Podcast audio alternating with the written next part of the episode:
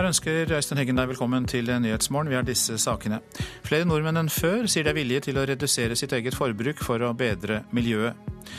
Patologer i England går gjennom bilder av skadene på Birgitte Tengs, som ble funnet drept på Karmøy i 1995. Det skjer etter ønske fra fetteren, som ble dømt, men senere frikjent for drapet. Hard kritikk mot at FN ikke beskyttet sivile under kampene i Sør-Sudan i sommer. Og i Sør-Korea kjemper presidenten for sitt politiske liv etter opprullingen av en pikant korrupsjonsskandale. Flere nordmenn sier altså at de er villige til å redusere sitt eget forbruk for å bedre miljøet. Det viser en rapport fra Statens institutt for forbruksforskning, SIFO. Selv om de spurte vil fly mindre og spise mindre kjøtt, så tror de likevel at det er myndighetene som kan gjøre mest for å løse klimautfordringene økologisk eh, lettrømme på butikken. Å herregud, det er første gang siden før jul. Ja. Men, uh... De lager taco uten kjøtt, har kjøpt seg kjøkkenutstyr brukt og handler klær kun på loppis. Stadig flere gjør nå som Ida Skylstad og Stine Østnord. I en SIFO-rapport sier nå 22% at de har gjort en stor reduksjon av kjøttforbruket sitt for å skåne miljøet. Det er 4% flere enn i 2014. Eh, vi mener jo fordi vi kan gjøre en forskjell sjøl. Eh, ved at vi spiser mindre kjøtt, handler brukt, så bidrar vi til mindre forbruk eh, og mindre kjøttproduksjon. Forsker Torvald Tangeland sier det har blitt en større bevissthet rundt miljøeffektene av forbruket. Forbrukerne er i større grad klar over hva de negative konsekvensene av ulik type forbruk er. Bl.a. kjøtt har det blitt, og for klær så har det blitt mer opp i den politiske debatten og i media. Torvald Tangeland ser likevel en tendens til at færre tror at folk flest kan gjøre en endring for klima og miljø. Fra 90-tallet og fram til 2015 så har vi sett at eh, forbrukerne tror i mindre grad at de er ansvarlige for å løse klima- og miljøutfordringene. Samtidig tror de at teknologi i større grad kan løse klima- og miljøutfordringene. Ifølge undersøkelsen kutter folk klimagassutslipp der det er enklest. Og det er på mange måter en behagelig løsning på et ubehagelig problem. Eh, det er lettere å kjøpe en elbil enn å slutte å kjøre bil. Folk NRK har møtt på gata, mener det er opp til både en selv og myndighetene å gjøre en endring for miljøet. Man trenger ikke myndighet for å si nei, nå skal jeg passe på naturen. Det er nok med å ta initiativ selv, mener jeg da.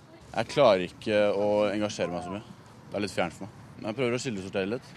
Ikke så mye mer enn det. Folk flest eh, og myndighetene, altså alt spiller alt spiller en rolle.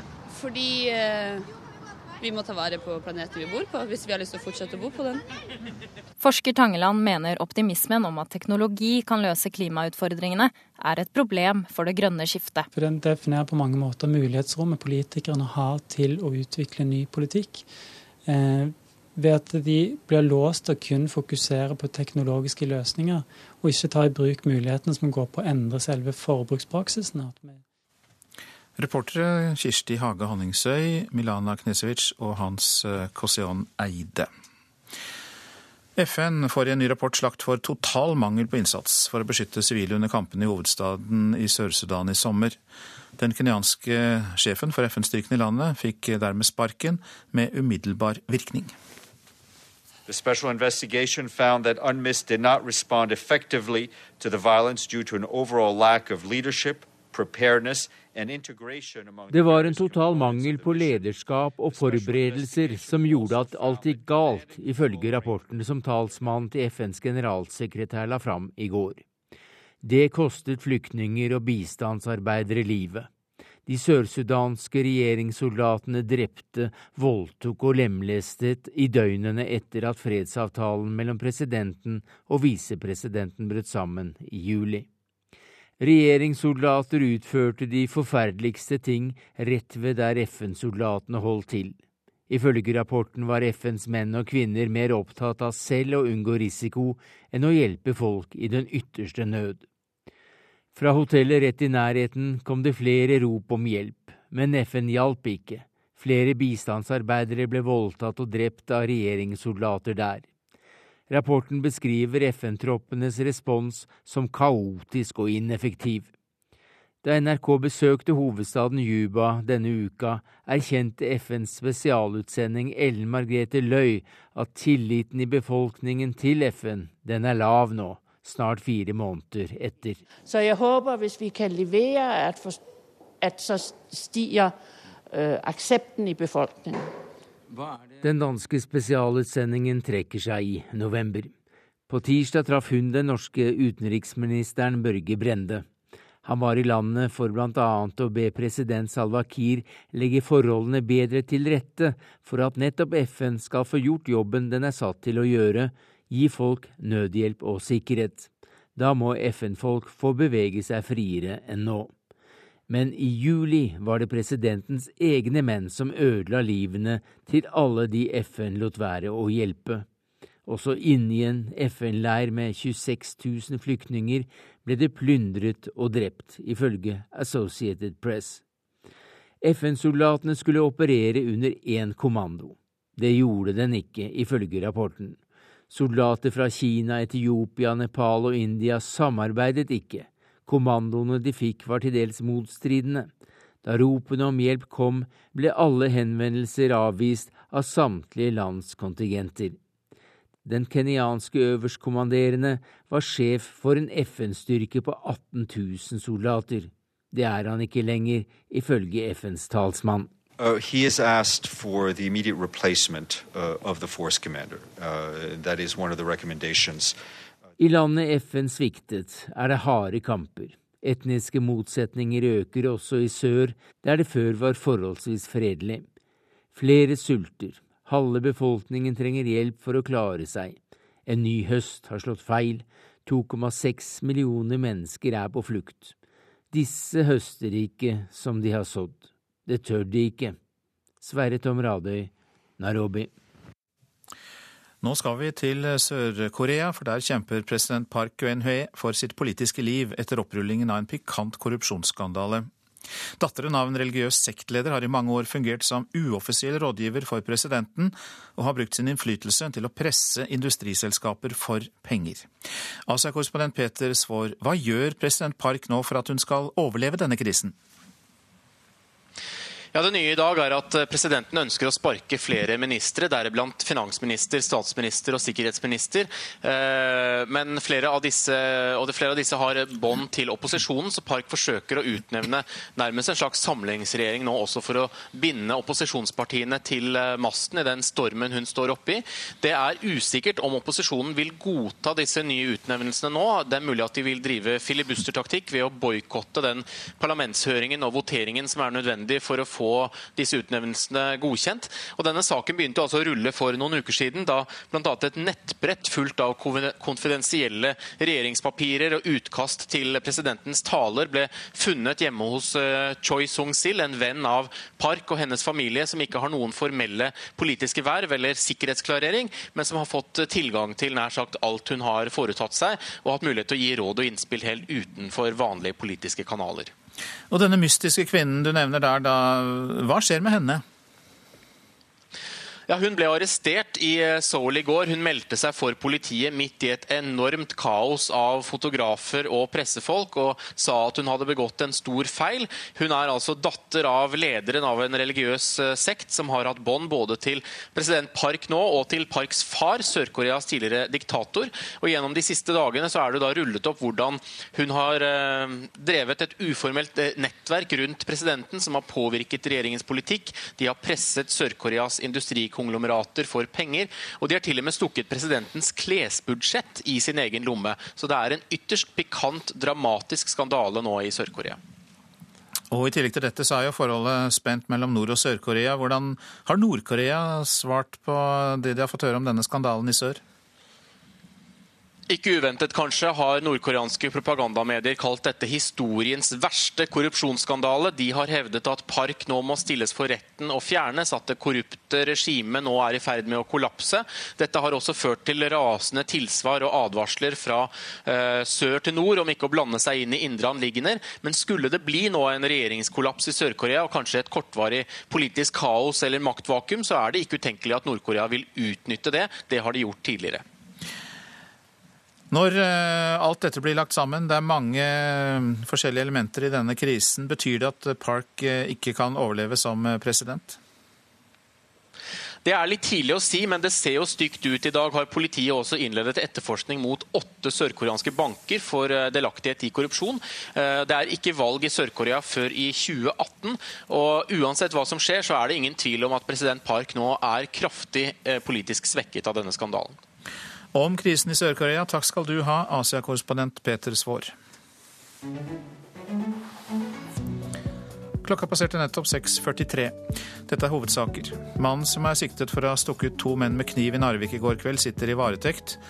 En av dem som ble stukket, døde av skadene, mens den andre ligger hardt skadd på sykehus. Flere nordmenn sier de er villige til å redusere sitt eget forbruk for å bedre miljøet. Det viser en rapport fra Statens institutt for forbruksforskning, SIFO. Vi har hørt at I USA har det føderale politiet, FBI, offentliggjort dokumenter eh, demokratene frykter kan påvirke valgkampen. Dokumentene er fra en henlagt etterforskning av Bill Clinton, Hillary Clintons ektemann og eh, USAs tidligere president.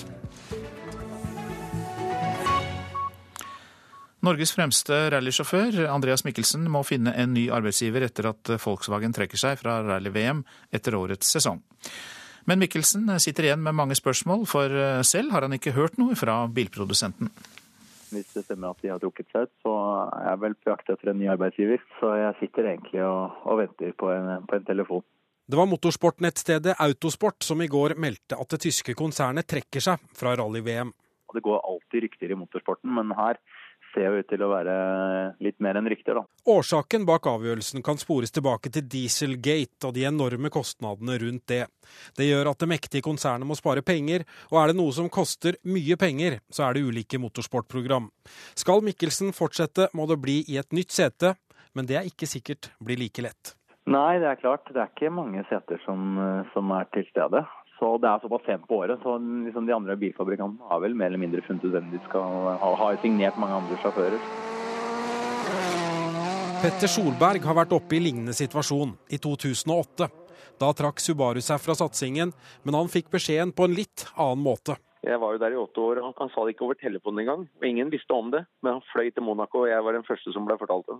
Gråt i armene til hverandre etterpå, da. Så det var jo liksom ikke noe hyggelig Det var ikke noe hyggelig møte, men en veldig proff måte å gjøre det på. Nå blir kampen tøff for Mikkelsen, tror Solberg. Det er jo viktigst for Andreas nå, det er å få vite fortest mulig hvor han står hen, så han får gjort noe med det mot andre team, da.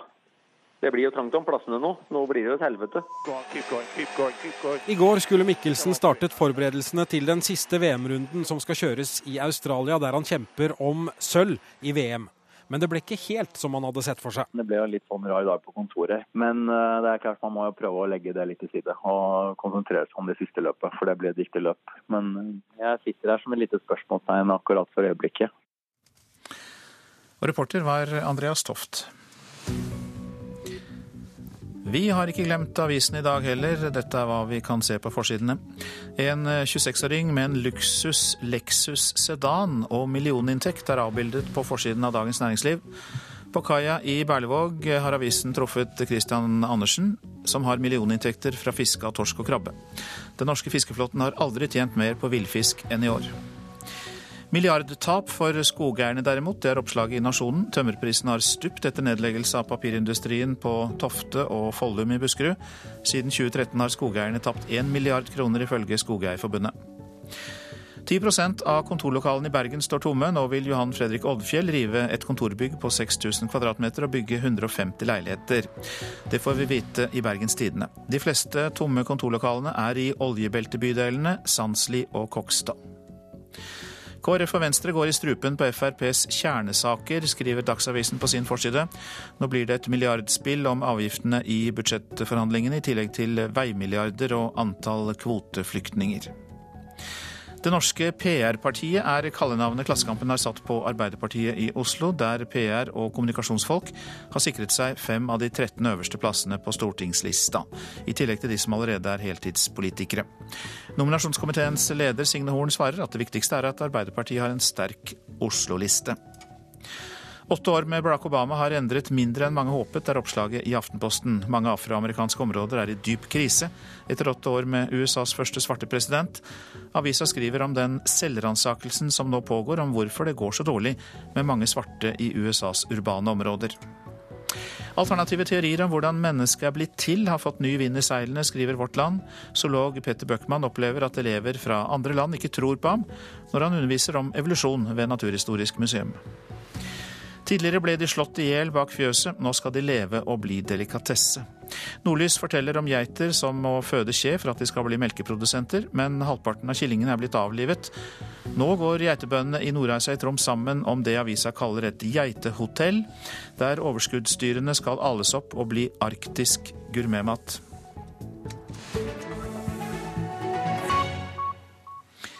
I England går patologer gjennom skadene på Birgitte Tengs, som ble funnet drept på Karmøy i 1995. En privatetterforsker og fetteren, som først ble dømt og siden frikjent for drapet, har omsider fått ut mange hundre bilder av disse skadene. Og de blir nå undersøkt av eksperter i England. Og på sin side går Kripos gjennom hele Birgitte-saken på ny, noe som kan føre til en utvikling i saken.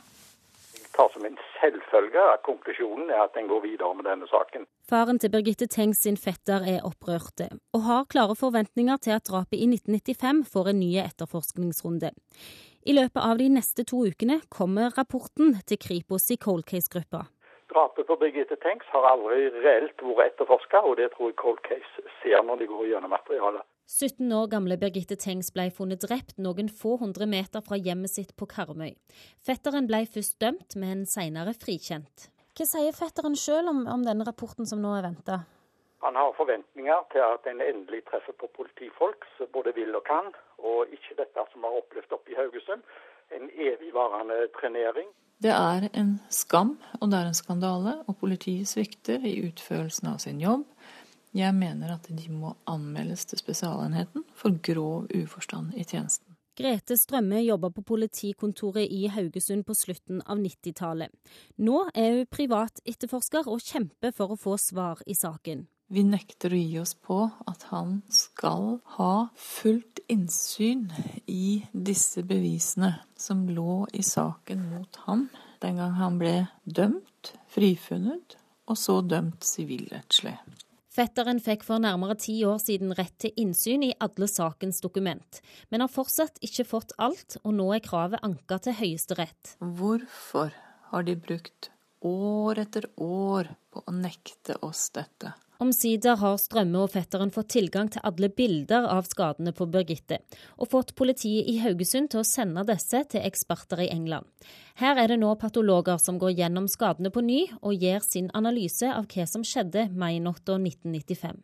Og Der har allerede kommet muntlige tilbakemeldinger om at det skadebildet som eh, obdusentene i sin tid konkluderte med, det er engelskmennene totalt uenig i.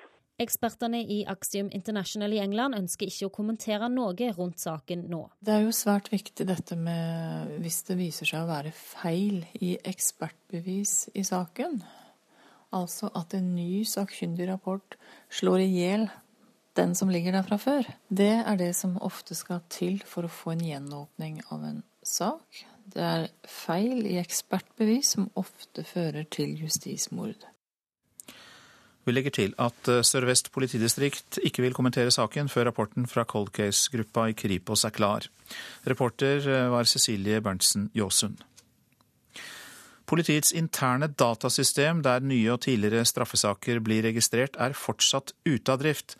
Systemet har vært eh, sammenhengende nede i nærmere en uke, samtidig som systemet i perioder de siste ukene har vært ute av drift.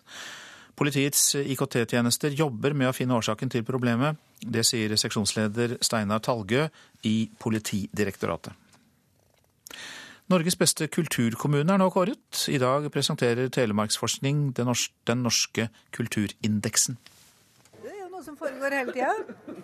Det går jo ikke an å få med seg alt som foregår, og det er jo et aber. Ja, det skjer mye i Røros. For femte året på rad stikker Røros av med seieren som Norges beste kulturkommune. Og kultursjef Morten Tøndel er fornøyd. Det å komme som nummer én her på den kulturindeksen er en heder til hele Røros-samfunnet, ikke enkeltpersoner. Det er Telemarksforsking som står bak kulturindeksen. Norsk kulturindeks viser jo hvor mye kultur som finnes i eh, norske kommuner. Sier Gunn Kristin Aasen Leikvoll, som har vært med på å utarbeide undersøkelsen og de forskjellige kriteriene. F.eks.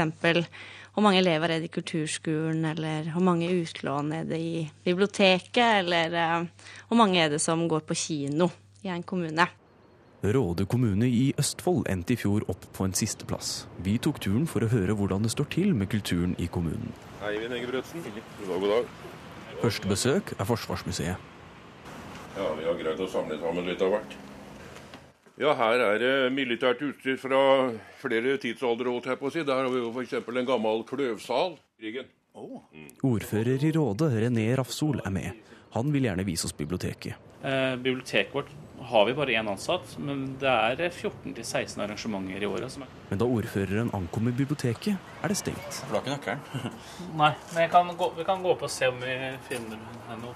Til tross for at Rådet kommer nesten på sisteplass i kulturindeksen i år, er ordfører Rafsol sikker på at folket er fornøyd. Og selv om vi på en måte scorer dårlig på indeksene, så betyr ikke det nødvendigvis at innbyggerne føler at det er et dårlig kulturtilbud. Vi besøker Råde bok og foto for å høre om det stemmer. Halla! Eh, jeg syns kulturtilbudet er kjempebra. Man behøver ikke med små barn eh, liksom sånn, å dra egentlig så veldig ut av bygda. Sosialt, vet du. Også for oss foreldre. I fjor kom Rådet på sisteplass. I år har de klatret opp fem plasser. Jeg har noen tall her. Ja. Det er noe jeg ikke fortalte. Det er at dere er ikke på bunnplassering engang. Er vi ikke det? Nei. Hva skjer? Det. Ordføreren mener det viktigste er hva innbyggerne føler om kommunens kulturtilbud. Jeg, jeg, jeg syns at det er litt synd at man bruker tall så, så, kaldt og så kynisk i forhold til å plassere noen kommuner, i hvert fall når det gjelder den biten. Mm. For det er i hvert fall ikke det innbyggerne føler. Det hadde vært nesten verre om vi lå på en 250.-plass og innbyggerne var misfornøyde. Så, så lenge innbyggerne er fornøyde og vi hele tida prøver å forbedre oss litt, så er det det beste. Og du kan klikke deg inn på nrk.no og sjekke hvordan din kommune gjør det i Kulturundersøkelsen, reporter Philip Johannesborg. Joachim Triers spillefilm 'Louder Than Bombs' ble i går kåret til beste nordiske film av Nordisk råd. Trier har vært nominert to ganger tidligere. Vi har akkurat snakket med ham, og alle gode ting er tre, sier prisvinneren.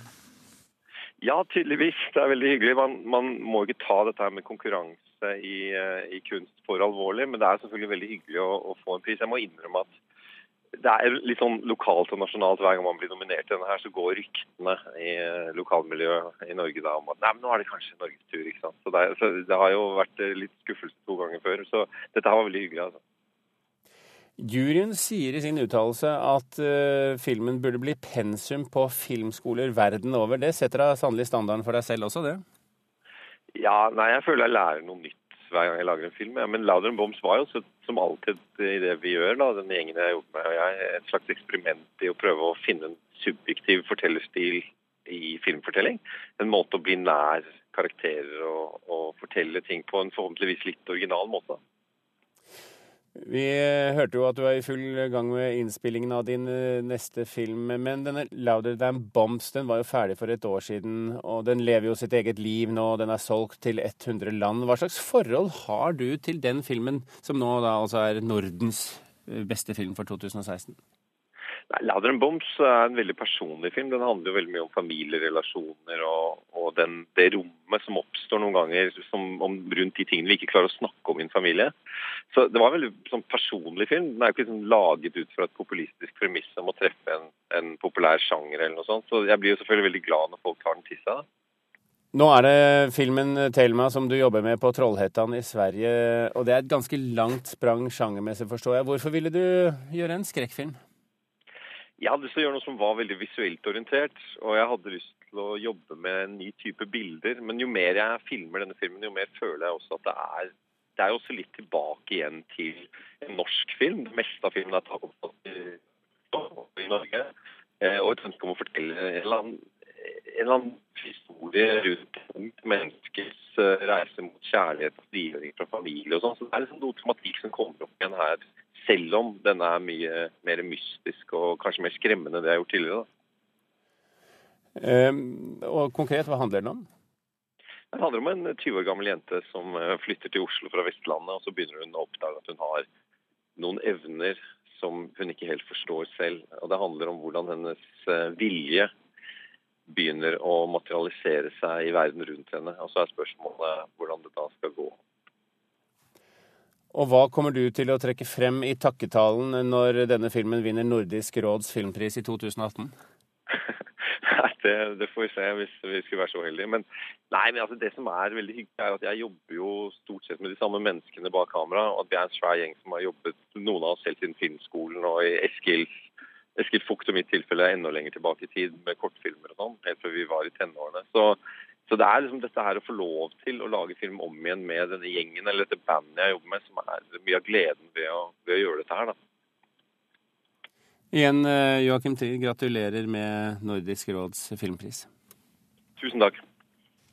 Og intervjuer var Birger Kåsrud Jåsund. Et værvarsel. Sør-Norge oppholdsvær og en del eh, sol, men stedvis skyet tidlig på dagen. I Ytre Oslofjord eh, nordlig opptil i kuling første del av dagen. Nordland og Troms stort sett oppholdsvær. Særlig Nordland får en del sol, mens det trekker inn flere skyer over Troms utover dagen. Finnmark skyet vær og enkelte sludd- eller snøbyger i ytre del av fylket. Spitsbergen skyet og spredte snøbyger. Og så må vi bare slå fast at det heller ikke i dag er kommet inn temperaturmålinger fra Meteorologisk eh, institutt. Men vi kan fortelle våre lyttere i P1 pluss at vi forlater dere nå. Og fortsetter selvfølgelig i P2 og eh, Alltid eh, nyheter. Og IT-sikkerhet i eh, Statoil er igjen et tema vi går inn på i sendinga etter Dagsnytt klokka sju.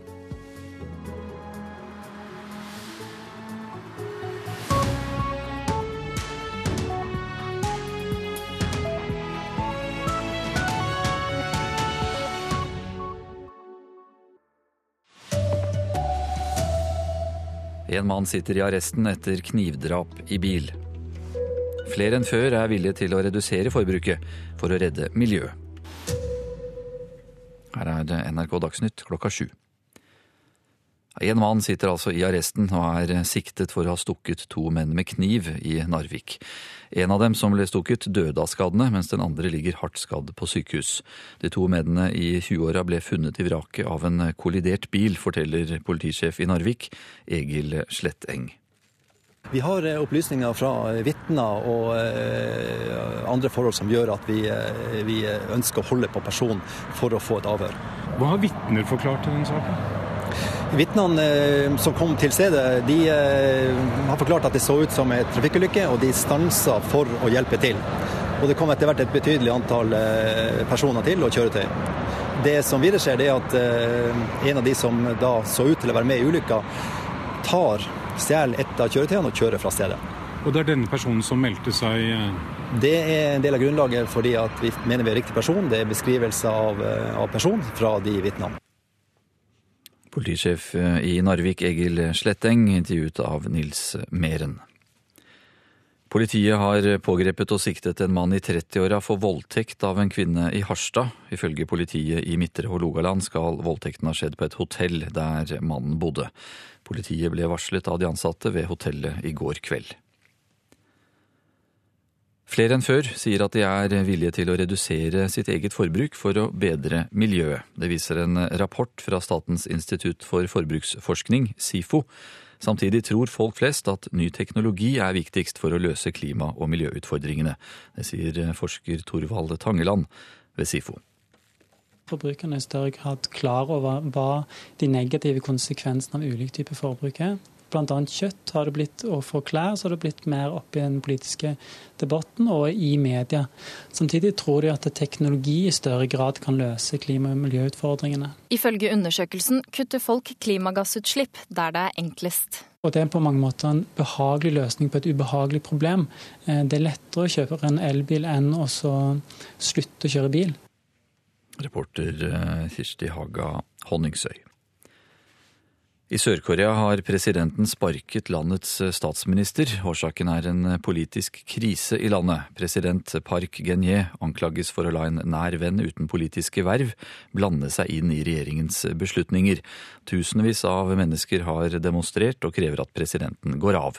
Den hardt pressede presidenten har sparket statsministeren Wang Kuan og to andre regjeringsmedlemmer etter kritikken. NRK Dagsnytt, Anders Borgen Werring.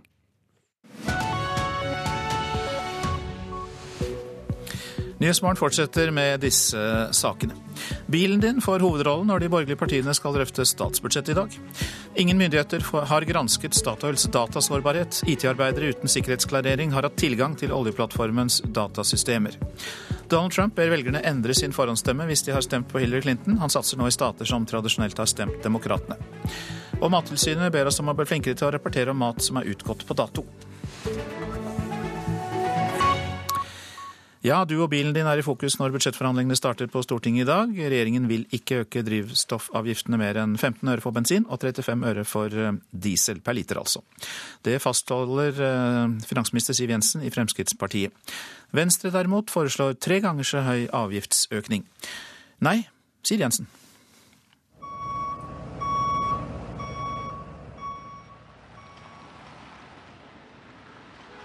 Det blir et politisk slag om bilen din og bilbruken når Stortinget starter budsjettforhandlinger i dag. Finansminister Siv Jensen lover allerede nå at både Venstre og Kristelig Folkeparti skal få noen seire av Fremskrittspartiet og Høyre hvis de stemmer for budsjettet neste år. Men det grønne skiftet regjeringen foreslår, er ikke til debatt, fastholder lederen for Fremskrittspartiet. Vi må være villige til å se på de ulike innspillene som Kristelig Folkeparti og Venstre kommer med. Nå presenterer de jo sine alternative budsjetter, eh, og så får vi ta utgangspunkt i det. Men eh, det er jo noe vi har sagt vi ikke eh, vil gjøre noe mer på. Det står du fast på? Det står jeg fast på. At det, det, det grønne skiftet er en helhetlig pakke som henger sammen. Det er så langt vi mener det er ansvarlig å gå i ettårsbudsjett. Siv Jensen og Erna Solberg har sagt at de vil øke drivstoffavgiftene med 15 øre for bensin og 35 øre for diesel, og ikke mer. Finansministeren understreker at det mange har oppfattet som et ultimatum om grønne avgifter, ligger fast. Venstre derimot foreslo i går å heve drivstoffavgiftene med en krone for diesel og 50 øre per liter bensin. I tillegg vil de reversere kompenserende tiltak som regjeringen har lagt på bordet for å sukre drivstoffpillen. Det handler bl.a. om å bruke skatte- og avgiftssystemet aktivt. Der man skifter fra de gamle røde skattene til nye grønne skatter. Men at alle pengene føres tilbake igjen. Venstre-leder Trine Skei Grande foreslår et grønt skatteskifte på rundt 15 milliarder kroner. Der de som opptrer miljøvennlig får lettelser, mens miljøsvin får skjerpelser. Og mandag vil Kristelig Folkeparti plusse på 20 øre på diesel og 15 øre på bensin, utover regjeringens foreslåtte økning. Vi kan bare si at vi forsterker klimatiltakene, men vi kan ikke si nøyaktig hva virkningen av det blir. Leder Knut Arild Hareide i Kristelig Folkeparti vil også være en del av det grønne skiftet. Partiet understreket at det er åpent for alternative klimakutt også og at samarbeidspartiene til regjeringen i Stortinget vil sette sitt stempel på forhandlingene. Det synes ikke finansminister Siv Jensen er rart. Hun sier de gode forslagene i regjeringens budsjett må ivaretas, samtidig som Kristelig Folkeparti og Venstre får gjennomslag for viktige satsinger for dem.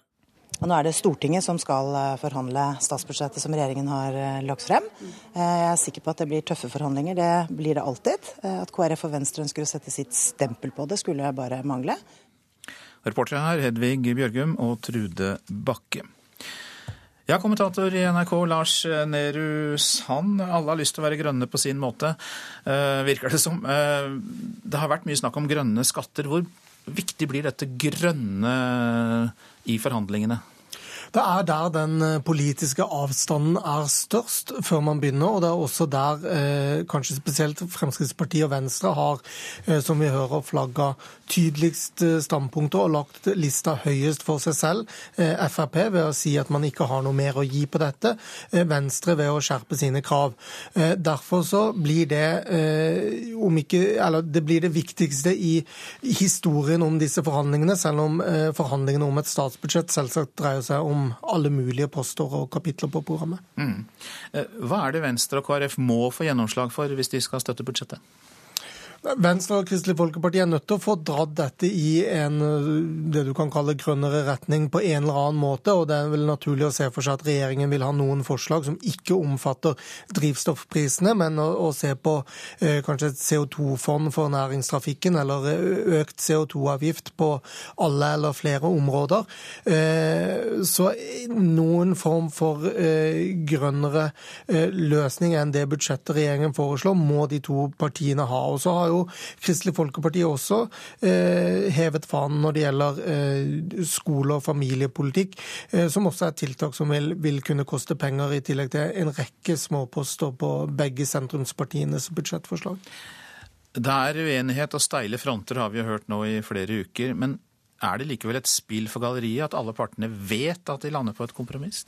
Nei, det er faktisk ikke det. Og det er eh, også nettopp derfor litt vanskeligere enn en normalt er å se en utgang av dette, nettopp fordi eh, kravene på hver side ikke lar seg forene. Og man, man kan på en måte ikke eh, møtes på halvveien, selv om det vil være eh, noen øre som vil være et snitt av det, det Venstre foreslår, og det eh, Høyre-regjeringen, eh, eller Høyre og Frp foreslår. Men det er ingen lett vei ut av dette. Det er ikke lett lett å se for seg en, eh, et kompromiss. og Derfor så blir det veldig spennende å følge eh, disse forhandlingene og hvordan man velger å løse det. Det er ingen som, eh, som sier til meg nå at de, de ser en, en, logisk eller mulig løsning eh, allerede nå. Politiske journalister som har ruslet rundt og snakket med Arbeiderpartiet, de forteller oss jo at de virker lite lystne på å overta nå. Så vil det likevel eh, Hvordan virker det inn på forhandlingene?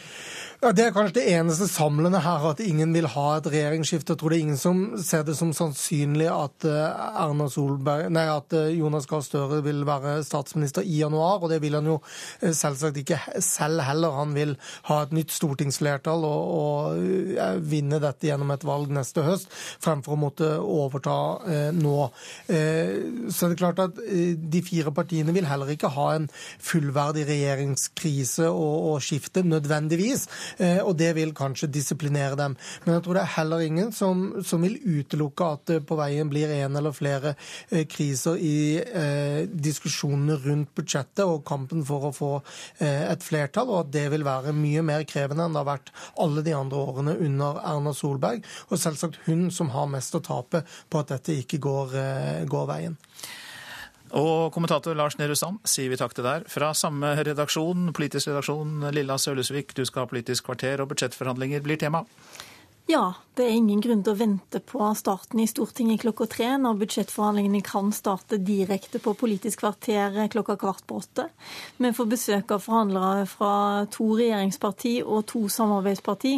Og så får vi høre hvor samarbeidsvillige de er, nå som det er alvor om 34 eh, minutter, faktisk, i Politisk kvarter. Forskere i eh, Forsvaret er urolige over økningen i antall dataangrep mot oljesektoren, men ingen myndigheter har vurdert risikoen ved å flagge ut Statoils IT-virksomhet til India. IT-sårbarheten i oljesektoren har økt, sier sjefsforsker ved Forsvarets forskningsinstitutt, Rune Lausund. Det er en økende trussel mot uh, oljebransjen når det gjelder cyber. Hva er risikoen når IT-arbeidere i India har tilgang til datasystemene på Statoils oljeplattformer? Ingen myndigheter har stilt dem det spørsmålet. Man kan sitte fra underleverandører som ikke nødvendigvis er klarert gjennomføre vedlikehold på viktige, sentrale eh, systemer i selskaper og viktige systemer for nasjonen. I Forsvaret er mange urolige over mangedobling i antall dataangrep mot oljesektoren på få år. Men de har ingen myndighet over Statoil. Og det jobber IT-arbeidere med oljeplattformenes brannvegger som ikke er sikkerhetsklarert. Jeg observerer ikke at myndighetene tar tungt, tar tungt tak i dette sier Olav Lysne, professor og utvalgsleder for digitale sårbarheter. NRK kjenner til over 30 konkrete IT-hendelser i Statoil etter feil gjort hos indisk underleverandør. Det har ført til evakueringer, produksjonsstans og tap av data. Anders Opedal, konserndirektør i Statoil, kan ikke huske at myndighetene har gjennomført et eneste IT-tilsyn. Vi har eh, ikke hatt meg bekjent eh, det eh, i den siste tiden. Eh, hvor mange IKT-sikringshendelser har dere rapportert inn til Petroleumstilsynet? Det kan jeg ikke svare på akkurat her og nå. Etter NRKs avsløringer har Petroleumstilsynet bedt om innsyn i rapportene NRK har omtalt. De vil også gjennomføre et IT-tilsyn i løpet av uken. Flere tilsyn er noe Olav Lysne har etterlyst. Det har vært et veldig sterkt HMS-fokus hva gjelder myndighetskontroll i denne sektoren. Eh, nå må man få et tilsvarende fokus også på IKT-sikkerhet. Det er Arbeidsdepartementet som er formelt ansvarlig for Petroleumstilsynet, men de vil ikke kommentere saken. Heller ikke olje- og energiminister Tord Lien mener sikkerhet i Statoil er hans spor. Det ligger både eh, først og fremst i eh, Petroleumstilsynet, og eh, spørsmålet om hva man eventuelt har tenkt å gjøre med, med denne situasjonen, det må rettes til Petroleumstilsynet. Men tar dere selvkritikk på at det ikke har vært utført bedre? Men det er, dette, er, dette ligger jo ikke i mitt departement. Reportere Line Tomter og Anne Cecilie Remen. Med oss fra studio i Drammen, Anders Werp, god morgen til deg. God morgen. Du er i justiskomiteen på Stortinget for eh, Høyre. Til slutt her hørte vi olje- og energiminister Tord Lien si at IT-sikkerhet eh, ikke er i hans eh, departement. Hva syns du om det? Det kan han sikkert ha rett i rent uh, formelt, uh, men vi har alle en stor og sterk interesse i at uh, den digitale sikkerheten i en så viktig sektor blir ivaretatt åpenbart bedre enn det vi har, har i dag. I oljesektoren så er jo den gjennomsyret av en sikkerhetskultur når det gjelder arbeidsmiljø, når det gjelder miljøkonsekvenser for øvrig. Og Den samme sikkerhetskulturen må åpenbart også overføres til å ivareta den digitale sikkerheten i en viktig bransje og sektor i Norge. Men hvem har sikkerheten? Ansvar for sikkerheten? Ja, Hvis det er hvite flekker på det kartet, så må det eh, fortest mulig fylles. Og, jeg syns eh, Regjeringen har jo eh, nedsatt et utvalg, det såkalte Tråvik-utvalget, som har gått igjennom sikkerhetsloven, som er det lovverket som i all hovedsak håndterer disse spørsmålene. Tråvik-utvalget har presentert sine forslag som jeg syns er gode, som ivaretar nettopp også denne situasjonen, hvor privat sektor, hvor Statoil befinner seg, får et større ansvar for å å ivareta sitt ansvar også på det samfunnsmessige. Eh, og, og, og en tydeligere beskrivelse av eh, bedriftens ansvar, men også myndighetsansvaret med tilsyn, med kontroll og med tiltak og konsekvenser dersom man ikke følger loven. Det er en vei å gå, mener jeg, og, og vi må følge det sporet videre. Ja, dette Tråvik-utvalget, du sier de har mange gode ideer, men det er jo ikke nedfelt i noen lover, åpenbart. Det er ingen som har gjort noe med det? Nei, det ble nedsatt av regjeringen og, og presenterte sine funn uh, i, tidligere i forrige måned.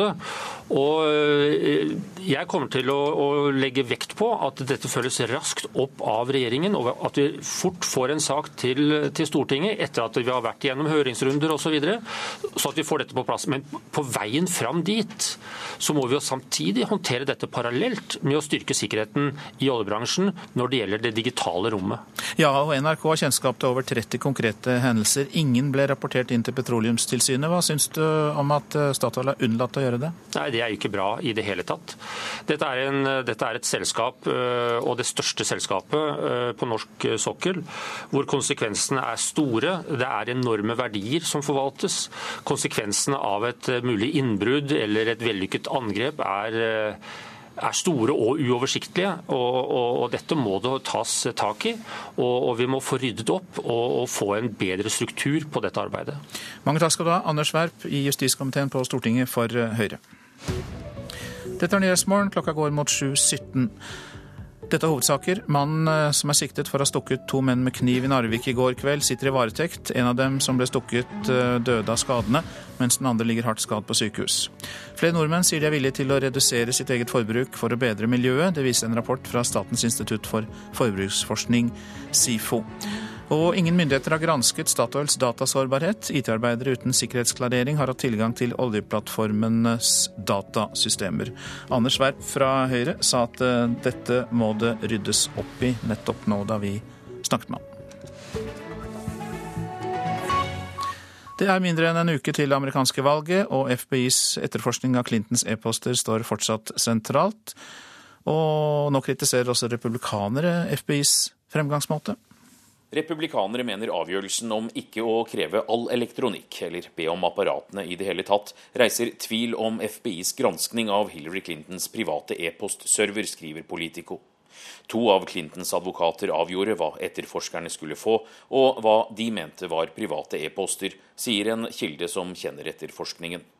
Siden fredag har Clintons e-postskandale dominert overskriftene her i USA, og det har blitt omtalt som oktoberoverraskelsen at FBI har valgt å se på nye e-poster som har dukket opp hos Clintons nære medarbeiders beslaglagte datamaskin. Jo mer vi hører om etterforskningen av Clintons håndtering av gradert materiale, som i sommer endte med ikke å anbefale tiltale, jo flere spørsmål dukker opp om hvor grundig arbeid de gjorde, sier republikaneren Bob Goodlatt til Politico. Han leder representanthusets juridiske komité. Han og andre partifeller har de siste månedene ment at FBI har tatt uvanlig mye hensyn til Clinton og hennes innerste krets. Også Goodlats kollega i Senatet, Chuck Grassley, har skrevet et brev der han klager over mangel på tradisjonelle etterforskningsmetoder. Wisconsin is one of several states where you can change your early ballot if you think you've made a mistake. A lot of stuff has come out since you voted. Republikanernes presidentkandidat Donald Trump sier at velgere som har forhåndsstemt, og som angrer på at de valgte Clinton, bør endre stemmen. Valglover i sju delstater Connecticut, Michigan, Minnesota, Mississippi, New York, Pennsylvania og Wisconsin tillater at du kan gjøre om stemmen, men det er restriksjoner. I de fleste ligger Clinton foran Trump på målingene. Hittil har 23 millioner amerikanere forhåndsstemt. Det er rundt én av fem av dem som stemte totalt for fire år siden. Clinton har lagt e-postene bak seg. He calls women ugly, disgusting, nasty all the time og bruker de seks dagene som er igjen på å angripe Trumps uttalelser om kvinner. Trump kjører fortsatt på at han vil redde USA fra Clintons korrupte regime. This is the biggest scandal since Watergate. And now it's been reported that there are FBI inquiries probing virtually all of Hillary Clinton's inner circle. Men også i større grad på hva slags politikk han vil føre. Det er ventet at nye meningsmålinger kommer i dag eller i morgen, som vil vise om velgerne bryr seg om de nye e-postavsløringene og FBIs vage melding om at de har funnet nye e-poster som kan ha relevans til den gamle granskningen av Clintons private server. Det føderale politiet kommer trolig ikke til å si noe om hva e-postene inneholder før de konkluderer, og det skjer først etter valget, ifølge amerikanske medier.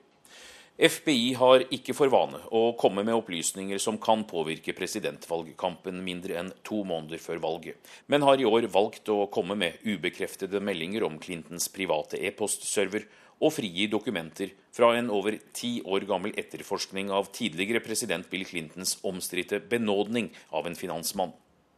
Gjennomsnittsmålinger som vekter viktige delstater, viser at det har blitt et jevnere løp mot Det hvite hus den siste uka, men Clinton leder fortsatt med mellom 2,2 og 3,9 prosentpoeng. Anders Tvegård, Washington.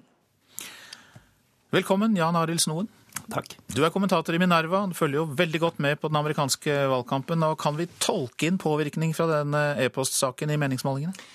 Det kan vi nok, men eh, Trump var allerede på vei opp før dette skjedde. Så er, han har knappet inn et par prosent den siste uka. og Kanskje halvparten av det er e-postsaken. Den er jo ikke ny, det var en ny runde med en gammel sak. og Derfor så tror jeg ikke den har så uh, stor potens, da.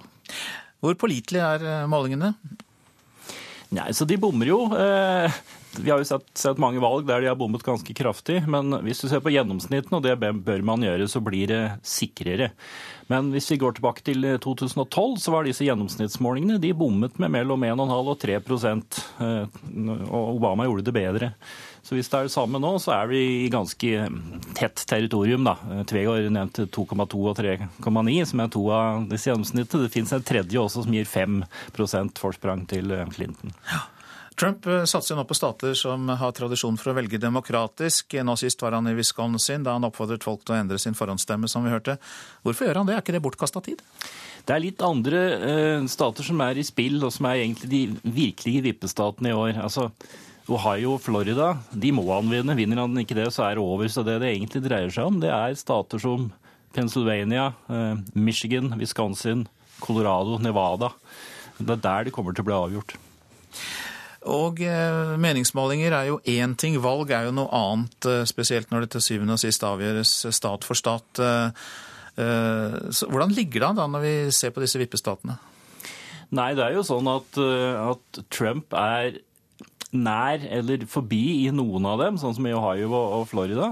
Men han mangler fremdeles da 4-5-6 eh, i de statene som man må ha i tillegg. Og Derfor så er det ganske god samsvar mellom spriket nasjonalt og også i de, de nøkkelstatene som han må vippe over. Så han ligger et stykke etter, hvis vi skal tro målingene. Tallknusere regner jo også på kandidatenes vinnersjanser. Der har jo Clinton ligget godt an. Eh, der er det, der er det mye større prosentandeler. Ja, for det er jo sjansen for å vinne, da. Eh, og da, det er jo mange sånne som knuser dette. Nate Silver hos New York Times, 538-nettstedet. Han er den som gjerne brukes mest. Og der har endringen gått fra ca. 85% i forrige uke til 2-71 sjanse for Clinton nå, som er en ganske stor endring. Andre er mer nøkterne når det gjelder Trumps eh, sjanser. Så, så Silver er nok den som er mest positiv for han men 71% sjanse for Clinton, 29 for eh, Altså, det er jo på ingen måte avgjort, dette. Nei. Og så kommer vi tilbake til denne e-postskandalen, eh, og eh, som da fortsetter. Man har tatt igjen opp etterforskningen, FBI altså. Men så har de også offentliggjort disse dokumentene fra lenger tilbake i tid om Hillarys mann Bill Clinton da han Pardon, som det heter, en forretningsmann som var veldig omstridt. Mm. Ja, Det begynner å bli veldig gammel, gamle saker, da. Eh, men det er klart, alt sånne ting som er kritisk til Clinton og Clinton-familien, er jo ikke positive for dem. De vil helst snakke om noe annet, eller at pressen fokuserer på Trump. Men jeg tror ikke den saken har eh, altså, Det var Bill, eh, så jeg tror ikke den vil flytte noen noe velgere. At e-postsaken fremdeles surrer og går, det problemet for Clinton er at det ødelegger litt for entusiasmen blant velgerne hennes. Litt vanskeligere å få dem til å gå til urnene, forhåndsstemme, sånne ting.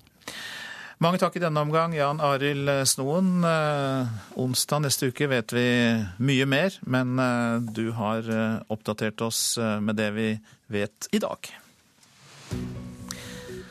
Så noen ord om det avisen er opptatt av.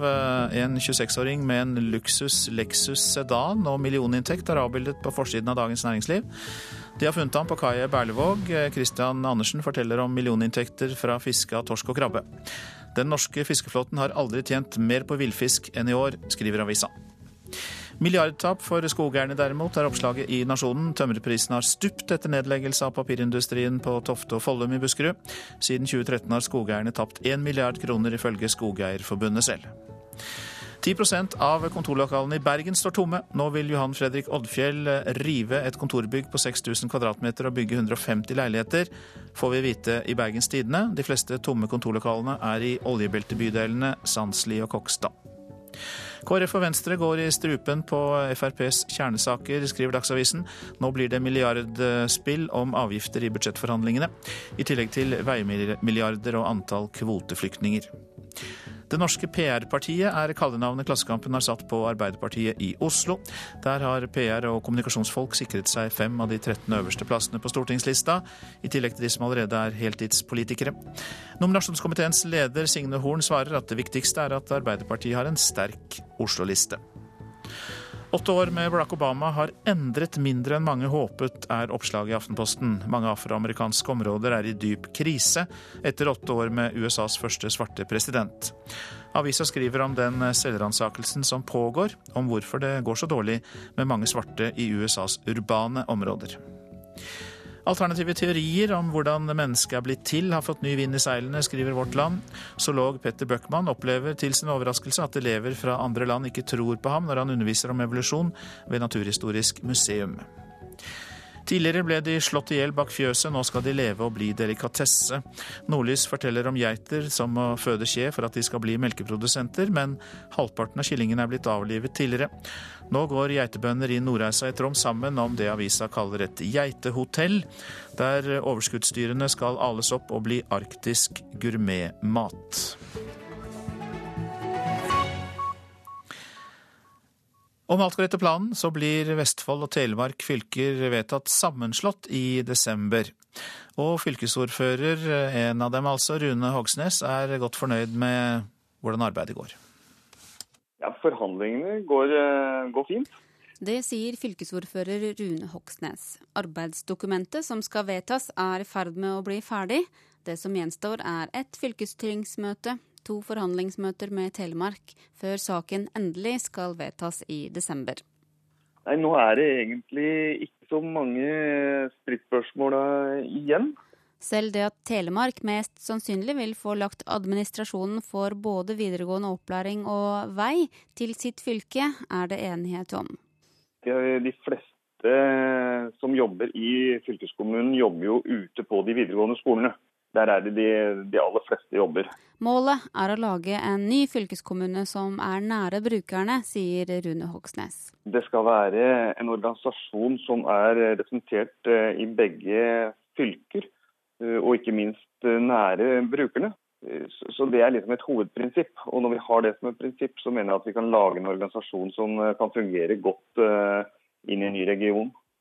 Hvis fylkestinget vedtar sammenslåingen slik den formes nå i arbeidsdokumentet, vil saken sendes til regjeringa og så vedtas av Stortinget til våren.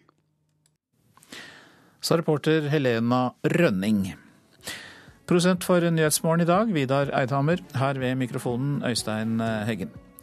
I reportasjen etter Dagsnytt om ti minutter kan du høre om Etiopia, som har forbløffet omverdenen med en rask økonomisk vekst gjennom mange år. Men det har sin pris i unntakstilstand, drepte og arresterte. I Politisk kvarter markeres starten på budsjettforhandlingene, og alle partier er med, både regjeringspartiene og støttepartiene. Med i ikke bare forhandlingene, men også i Politisk kvarter.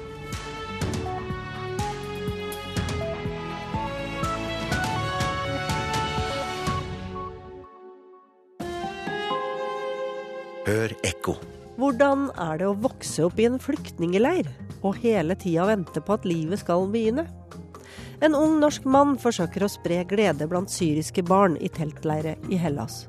Og to unge norske kvinner har møtt mennesker som har levd hele livet sitt i flyktningleire. Midlertidig leire som har eksistert i snart 70 år. Ekko 9 11 i NRK P2.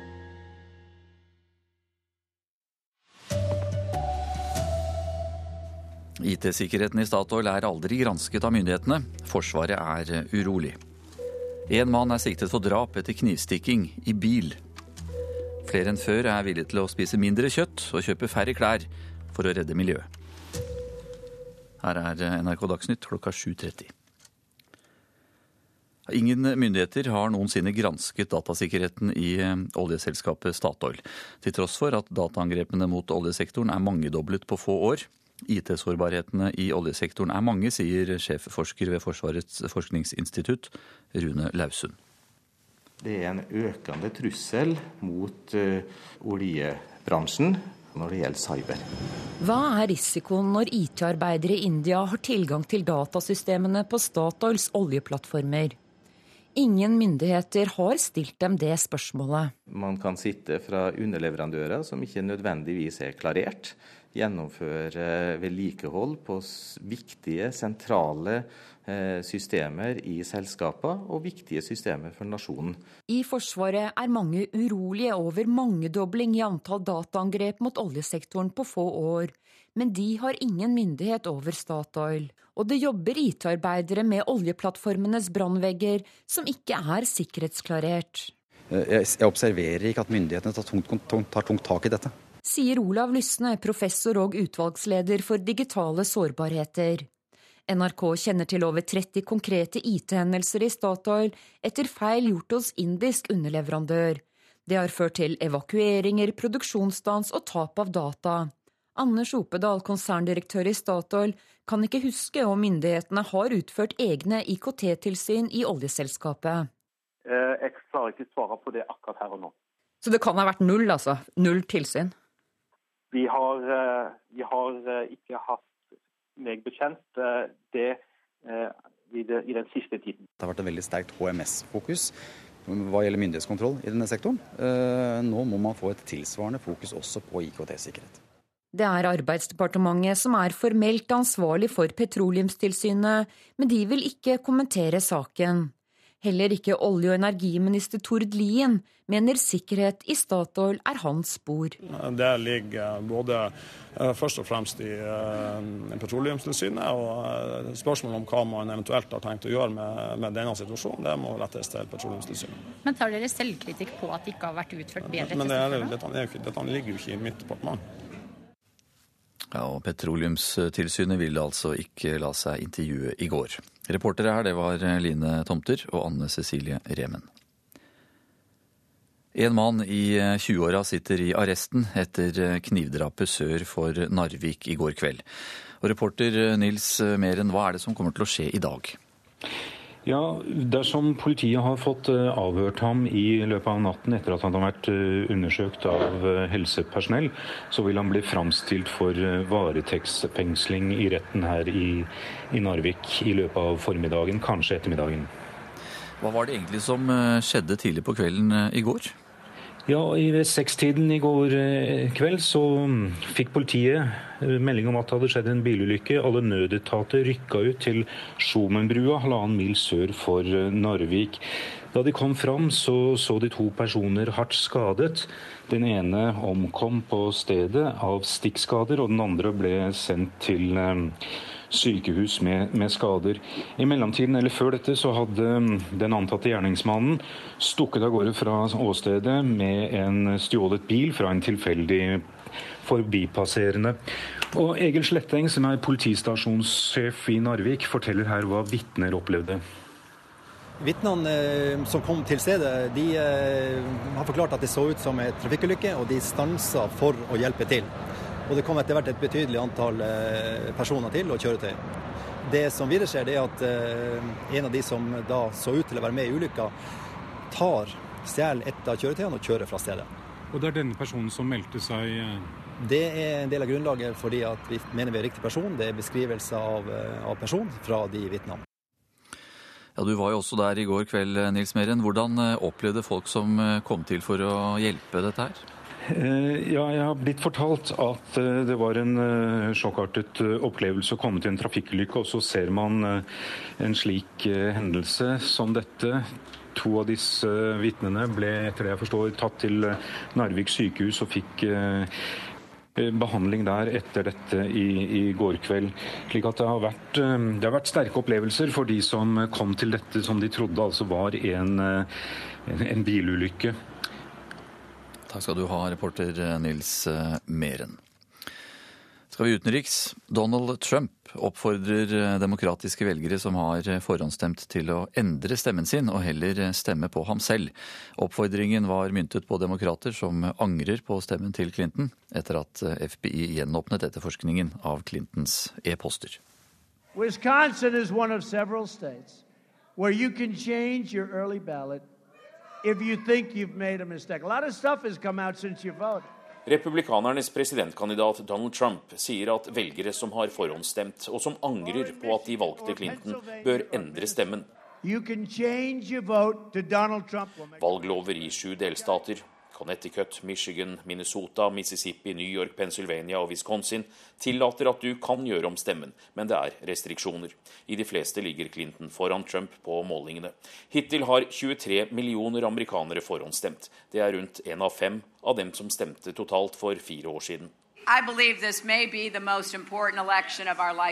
Clinton har lagt e-postene bak seg. He calls women ugly, disgusting, nasty all the time og bruker de seks dagene som er igjen på å angripe Trumps uttalelser om kvinner. Det er ventet at nye meningsmålinger kommer i dag eller i morgen, som vil vise om velgerne bryr seg om de nye e-postavsløringene og FBIs vage melding om at de har funnet nye e-poster som kan ha relevans til den gamle granskningen av Clintons private server.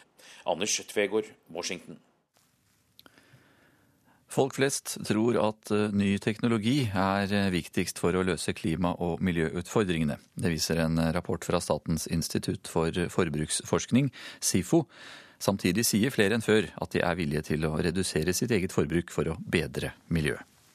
Hallo, de hadde økologisk lettrømme på butikken. Herregud, det første gang siden før jul. Ja.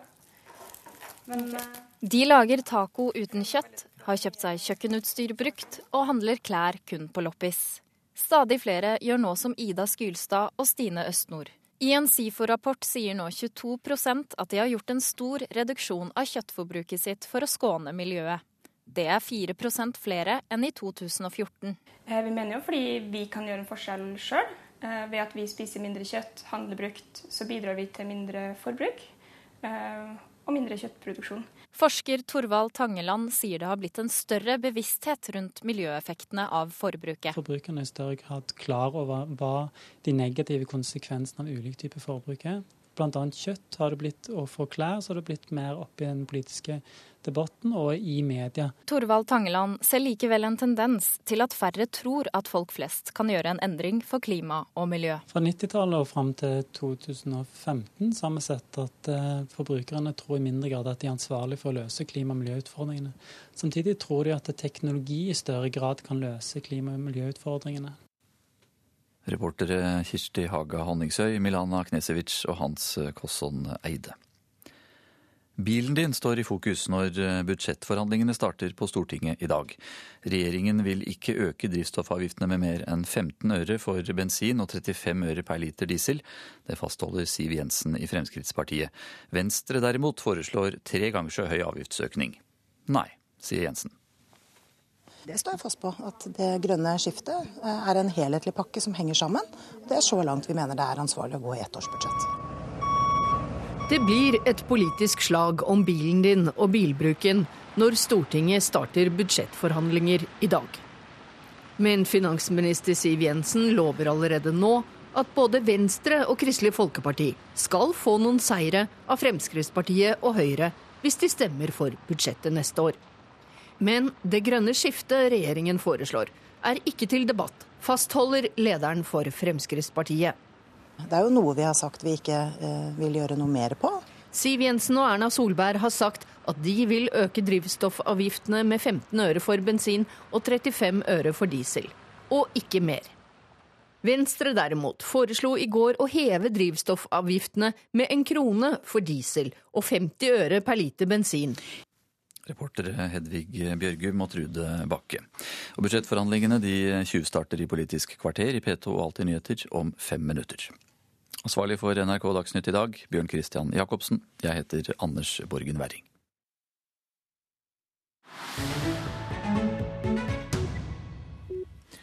Her i Nyhetsmorgen skal vi til Etiopia, som har forbløffet omverdenen med rask økonomisk vekst gjennom mange år. Men landet har innført unntakstilstand etter massive demonstrasjoner. De siste månedene er minst 500 drept og flere tusen er arrestert, ifølge Human Rights Watch. Korrespondent Kristine Presttun har vært i hovedstaden Addis Abeba og møtt en modig blogger. En hverdagslig og ufarlig lyd for de fleste. Men den alvorlige, senete bloggeren som sitter konsentrert bøyd over tastaturet på et lite kontor i Addis Abeba med gardinene trukket for, han vet at ordene han skriver, kan få konsekvenser. They slapped me. They uh, forced me to do heavy physical exercises. And they... Fangevokterne slo meg, tvang meg til å gjøre ekstreme øvelser og hamret løs med kølle på mine bare føtter. Befakado Hailo forteller at han ble utsatt for tortur da han ble fengslet i 18 måneder for å ha skrevet tekster som er kritiske mot regjeringen i Etiopia. Utenfor det mørke kontoret ruver skyskraperne, men gatelivet er ikke like yrende som vanlig i Afrikas Brussel. Stemningen er avventende og spent i hovedstaden til Afrikas raskest voksende økonomi. Etter flere måneder med store demonstrasjoner mot regjeringen har Etiopia innført unntakstilstand. Tilgangen til internett er begrenset, Facebook er blokkert, og sikkerhetsstyrkene har fått utvidede fullmakter til å arrestere folk. Etiopia er et eh, svært eh, viktig land for Afrika, for hele verden. Det er 100 millioner mennesker. Eh, det er også vært et land som eh, har vært helt avgjørende for stabiliteten eh, i eh, regionen. Utenriksminister Børge Brende er i Addis Abeba for å møte Etiopias statsminister. Han er opptatt av at Etiopia er en garantist for stabilitet på Afrikas Horn, og han frykter hva som kan skje nå. Når man ser seg rundt omkring i eh, regionen, så vet man jo hva det kan føre til hvis et eh, land havner i en situasjon hvor de ikke bare blir sårbare, men hvor de faktisk kan komme i en situasjon hvor eh, de kan få veldig, veldig mye usikkerhet og uro. Situasjonen er skremmende. Unntakstilstanden gjør det lett for myndighetene å gripe kritikere som meg, sier Befakado. Politiet kan komme inn døra her når som helst, sier han, uten å se nervøs ut. Jeg spør ham hvorfor han fortsetter å kritisere regjeringen, og hvorfor han våger å snakke med NRK.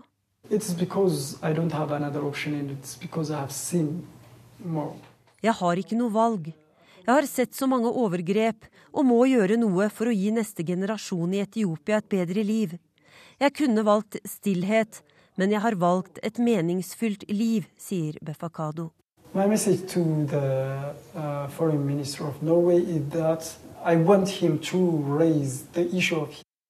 Bloggeren utfordrer Børge Brende til å ta opp menneskerettighetssituasjonen i Etiopia når han møter statsministeren senere i dag. En utfordring Brende sier han er rede til å ta.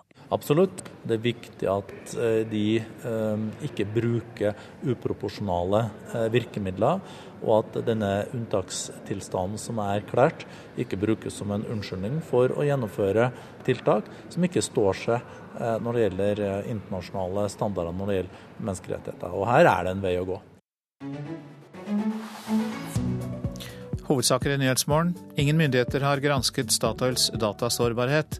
IT-arbeidere uten sikkerhetsklarering har tilgang til oljeplattformenes datasystemer. Mannen som er siktet for å ha stukket to menn med kniv i Narvik i går kveld, sitter i varetekt. En av dem som ble stukket, døde av skadene, mens den andre ligger hardt skadd på sykehus. Flere nordmenn sier de er villige til å redusere sitt eget forbruk for å bedre miljøet. Det viser en rapport fra Statens institutt for forbruksforskning, SIFO. Og FBI har offentliggjort papirer fra en over ti år gammel etterforskning av ekspresident Bill Clintons omstridte benådning av en finansmann. Demokrater frykter at offentliggjøringen kan påvirke presidentvalgkampen. Så er det Politisk kvarter, og der er Lilla Sølhusvik programleder.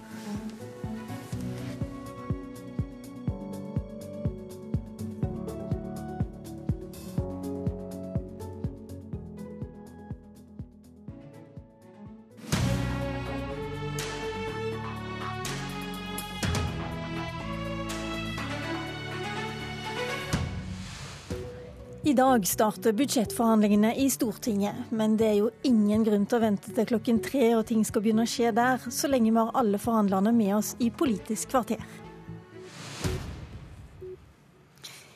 Ja, velkommen til finanspolitiske talsmenn både i regjerings- og samarbeidsparti. Vi ser jo heller ingen grunn til å utsette vanskelige spørsmål her i Politiske kvarter. Så vi begynner like godt med det grønne skiftet.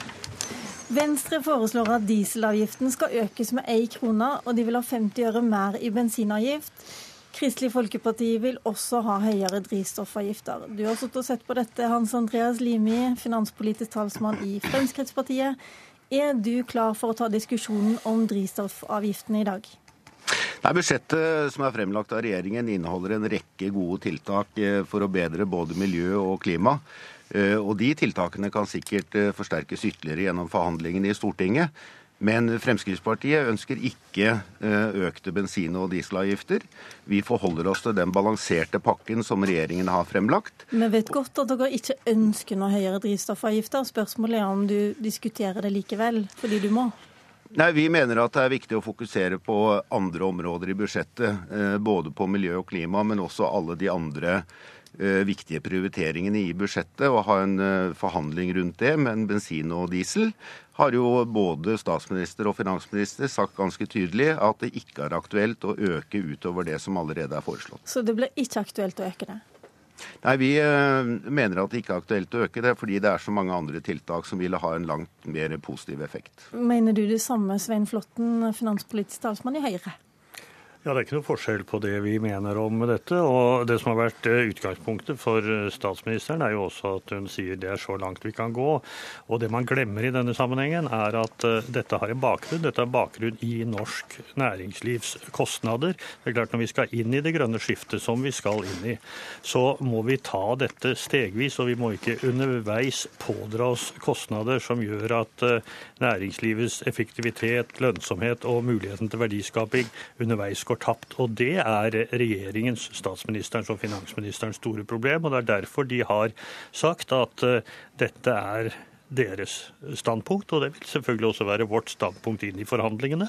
Og så registrerer jeg at det er forslag om dette fra Kristelig Folkeparti, det er forslag fra Venstre, slik at det ligger fra, fra alle sider her. Så det finnes jo i, i det vi går inn i. Men uh, vår inngang til det er slik som den har vært. Drivstoffavgiftene, ferdig snakka. Terje Breivik, kan du bare legge det bort nå? For Venstre så handler jo disse forhandlingene om at et, et budsjett som er veldig bra på veldig mange områder, òg må bli bra på klimaområdet. Sant? Klimaendringer er jo virkelig den store utfordringen som, som samtidig står overfor. Men må eh, du snakke om drivstoffavgifter da? Ja, Det er vanskelig å komme utenom, eh, utenom avgiftsøkesida. Selv om et grønt skatteskifte handler jo naturlig nok om mye mer enn bare avgiftsøke. Det handler jo ikke minst om hva du bruker merinntektene på. Men du hører hva de sier her nå fra Høyre og Fremskrittspartiet. De vil ikke diskutere det? Nei, jeg er litt overraska over at regjeringspartiene og regjeringen går inn i budsjettforhandlinger med et ultimatum. Det er helt uaktuelt for, for oss i Venstre. Sant? Vi går inn i forhandlingene med det som mål at vi skal ende opp med et statsbudsjett som, som ikke bare er bra for klimaet, men selvsagt også for samarbeidsklimaet. For det er jo ikke tvil om at uh, vi fire, fire samarbeidspartier har jo vist så langt at vi har jo tatt betydelig lengre steg i retning av et grønt skifte enn en da åtte år med rød-grønt flertall var i stand til å komme i nærheten av, bare i løpet av de tre årene vi nå har Men, hatt makta. Mm. Og, og, det som jeg har klokketro på, det er jo at òg regjeringspartiene, når vi møtes til, til forhandlinger og bryner argument, at argumentene som ligger bak, viser jo at det som er bra for klimaet, i regelen òg er bra for norsk næringsliv, norsk industri. Men er du nødt til å bare fokusere på drivstoffavgiftene? Nei, selvsagt ikke. Men, Nei, så da er det greit å legge det til side?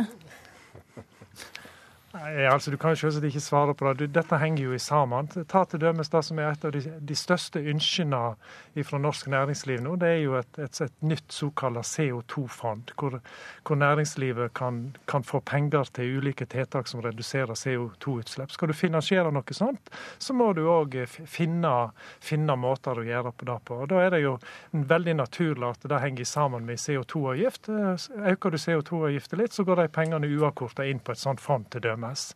Dette, dette, er jo mm. argument som, eh, som, som jeg nesten regner med at uh, to regjeringspartier også, som er opptatt av norsk næringsliv, norsk industri, uh, er positive og lyttende til. Er dere mer interessert i å snakke om alt annet enn drivstoffavgifter? F.eks. CO2-fond, CO2-avgifter på andre ting? Flåtten? Vi er åpne for å diskutere alt som både er omtalt i budsjettet og, og andre ting som kommer opp. Og det jeg var veldig glad for å høre i i går, og også hørt fra Kristelig Folkeparti det, og i går fra Venstre, er jo at uh, er jo at man mener at eh, det grønne skiftet dreier seg også om veldig mye annet enn bare drivstoffavgiftene. Jeg hørte Trine Skei Grande understreke det sterkt i går, at dette er ikke en sak bare om drivstoffavgifter. Dette er et mye bredere tilnærming enn det. Og det åpner jo for at vi kan ha veldig gode samtaler og diskusjoner om dette. Hans Olav Syversen i Kristelig Folkeparti, ser du for deg at eh, klimagassutslippene kan gå ned uten å se på noe drivstoffavgift, se på andre ting? Jeg tror vi trenger en, en, meny for å få ned utslippene, men det er jo ikke sånn at man, eh, man, skal bare kun peke på ett tiltak for å få ned dette. Det er helheten. Og hvis jeg skal prøve meg på å se det positivt fra det jeg har hørt, så opplever jeg at alle er enige om at vi skal prøve å forsterke så godt det er mulig å få til eh, klimadelen av budsjettet.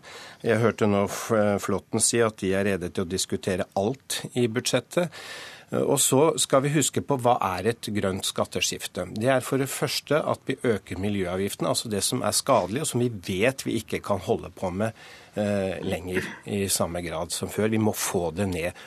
Og det gjør vi ved å gi lettelser når, eh, når Flåtten og Høyre snakker om næringslivet. Ja, Vi gir skattelettelser til næringslivet. Det har vi gjort tidligere år. Det foreslås neste år. Det holder både Kristelig Folkeparti og Venstre fast ved.